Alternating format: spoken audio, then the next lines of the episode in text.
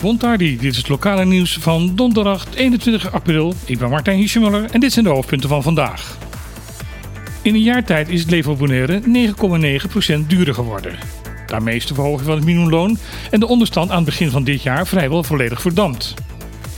Aan het eind van vorig jaar was inflatie nog 5,7%, maar onder andere door de sterk gestegen energieprijzen en het wegvallen van de subsidie op de vastrechtkosten van water en elektriciteit is daar in het eerste kwartaal van 2022 nog 4,9% bijgekomen. Dit heeft CBS bekendgemaakt. De inflatie op Bonaire is weliswaar 2,1% lager dan in Europees Nederland, maar daar ligt het gemiddelde inkomen en daarmee de koopkracht aanzienlijk hoger dan hier. Ook op de andere BES-eilanden was de stijgende inflatie de laatste maanden aanzienlijk, maar een heel stuk lager dan op Bonaire. Op Sint-Eustatius waren de prijzen gemiddeld 4,9% hoger dan een jaar geleden en op Saba 6,7%. Mensen verwachten meer dan een stip op de horizon. Dat is de mening van Michiel Bijkerk, advocaat en drijvende kracht achter de stichting, die vecht voor een eerlijke uitgave van erfpachtgronden op Bonaire. Over de stip aan de horizon kan die kort zijn. Zo'n stip blijft aan de horizon en zal dus altijd ver weg blijven. Voor hem moet het minimumloon daarom binnen twee jaar naar 1400 dollar, de AOV naar 1300 dollar en de onderstand naar 1000 dollar. Volgens hem zijn de vakbonden al veel te lang stilgebleven over dit onderwerp en hij hoopt van harte dat dit de stilte voor een storm is. Op 5 mei organiseerden de vakbonden een manifestatie tegen de verschillen tussen de lonen en sociale en economische voorzieningen voor Nederlanders in Nederland en Nederlanders in Caribisch Nederland. Daar staat Bijkerk volledig achter, omdat Caribisch Nederland in 2010 integraal onderdeel van Nederland is geworden. Voor hem zal de politiek niet opgelost gaan worden door de huidige politieke partijen Bonaire. Er is voor hem maar één manier om daar iets aan te veranderen. De enige uitweg voor een leven sociaal niveau en eerlijke erfpaduitgifte is een geheel nieuwe partij. Weg met die oude meuk. Al dus Bijkerk.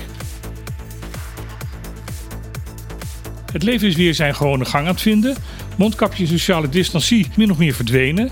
Maar het coronavirus is er nog steeds. Om mensen daarvan bewust te maken is de overheid de campagne Biba Kune, leef ermee, opgestart. In dat kader zijn er gisteren zelftesten uitgedeeld aan groepen die straks mee gaan doen aan Dia. Op deze manier wil men mensen bewust maken dat voorzichtigheid, zeker met mensen met een kwetsbare gezondheid, nog steeds noodzakelijk is. Groepen die daarvoor gebruik willen maken, kunnen nog steeds deze test komen ophalen. De aangeboden testen zijn gratis. Uitgesloten, slecht plan. Dat is de overduidelijke mening van de partijen VVD en PVV in de Tweede Kamer over het plan om voor een zeer selecte groep potentiële studenten van het MBO opleidingen op niveau 3 en 4 te gaan aanbieden in papier mens. Daarvoor moet de wet gewijzigd worden. Het gaat bijvoorbeeld om de opleiding kok op niveau 3 en verpleegster opleiding niveau 4. Volgens de woordvoerders van VVD en PVV ontneem je op deze manier mensen de kans om eventueel door te gaan studeren in Europees Nederland. Woordvoerders van GroenLinks en D66 wezen erop dat het hier gaat om mensen die nu al buiten het gewone opleidingstraject vallen, meestal al werken en via een diploma willen doorstromen naar een hogere functie. Bij deze mensen is er geen wens om een vervolgstudie buiten het eiland te gaan volgen. Op dit moment wordt hen echter de kans ontnomen een carrière te maken binnen Bonaire, omdat ze onvoldoende het Nederlands beheersen om een gewone MBO-opleiding te kunnen gaan volgen. Minister Dijkgraaf van Onderwijs was het daarmee eens en vulde daarbij aan dat studenten die doorstromen vanuit het VMBO automatisch deze opleiding in het Nederlands gegeven zullen worden. Desondanks hebben VVD en PVV aangekondigd om op 10 mei tegen de wetswijziging te zullen stemmen. Minister voor Klimaat en Energie, Rob Jette, is op zoek naar extra fondsen om de verduurzaming van de energieproductie op Bonaire, Sint-Eustatius en Saba te versnellen. Hij wil zo snel mogelijk 100% duurzame energie op de eilanden gaan realiseren. Dit vertelde de bewindsman gisteravond in het debat met de Tweede Kamercommissie Energiezaken en Klimaat. Jette gaf bij die gelegenheid volmondig toe dat zijn voorgangers weinig hebben gedaan om Caribisch Nederland te helpen te verduurzamen. Met behulp van windmolens, zonneparken en batterijopslag kan volgens Jette de energieproductie op de eilanden snel naar 80% worden opgevoerd.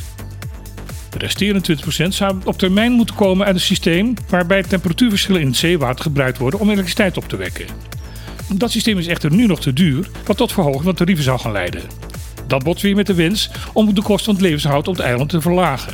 En zal dus nog even moeten wachten tot de kosten daarvan zijn gedaald.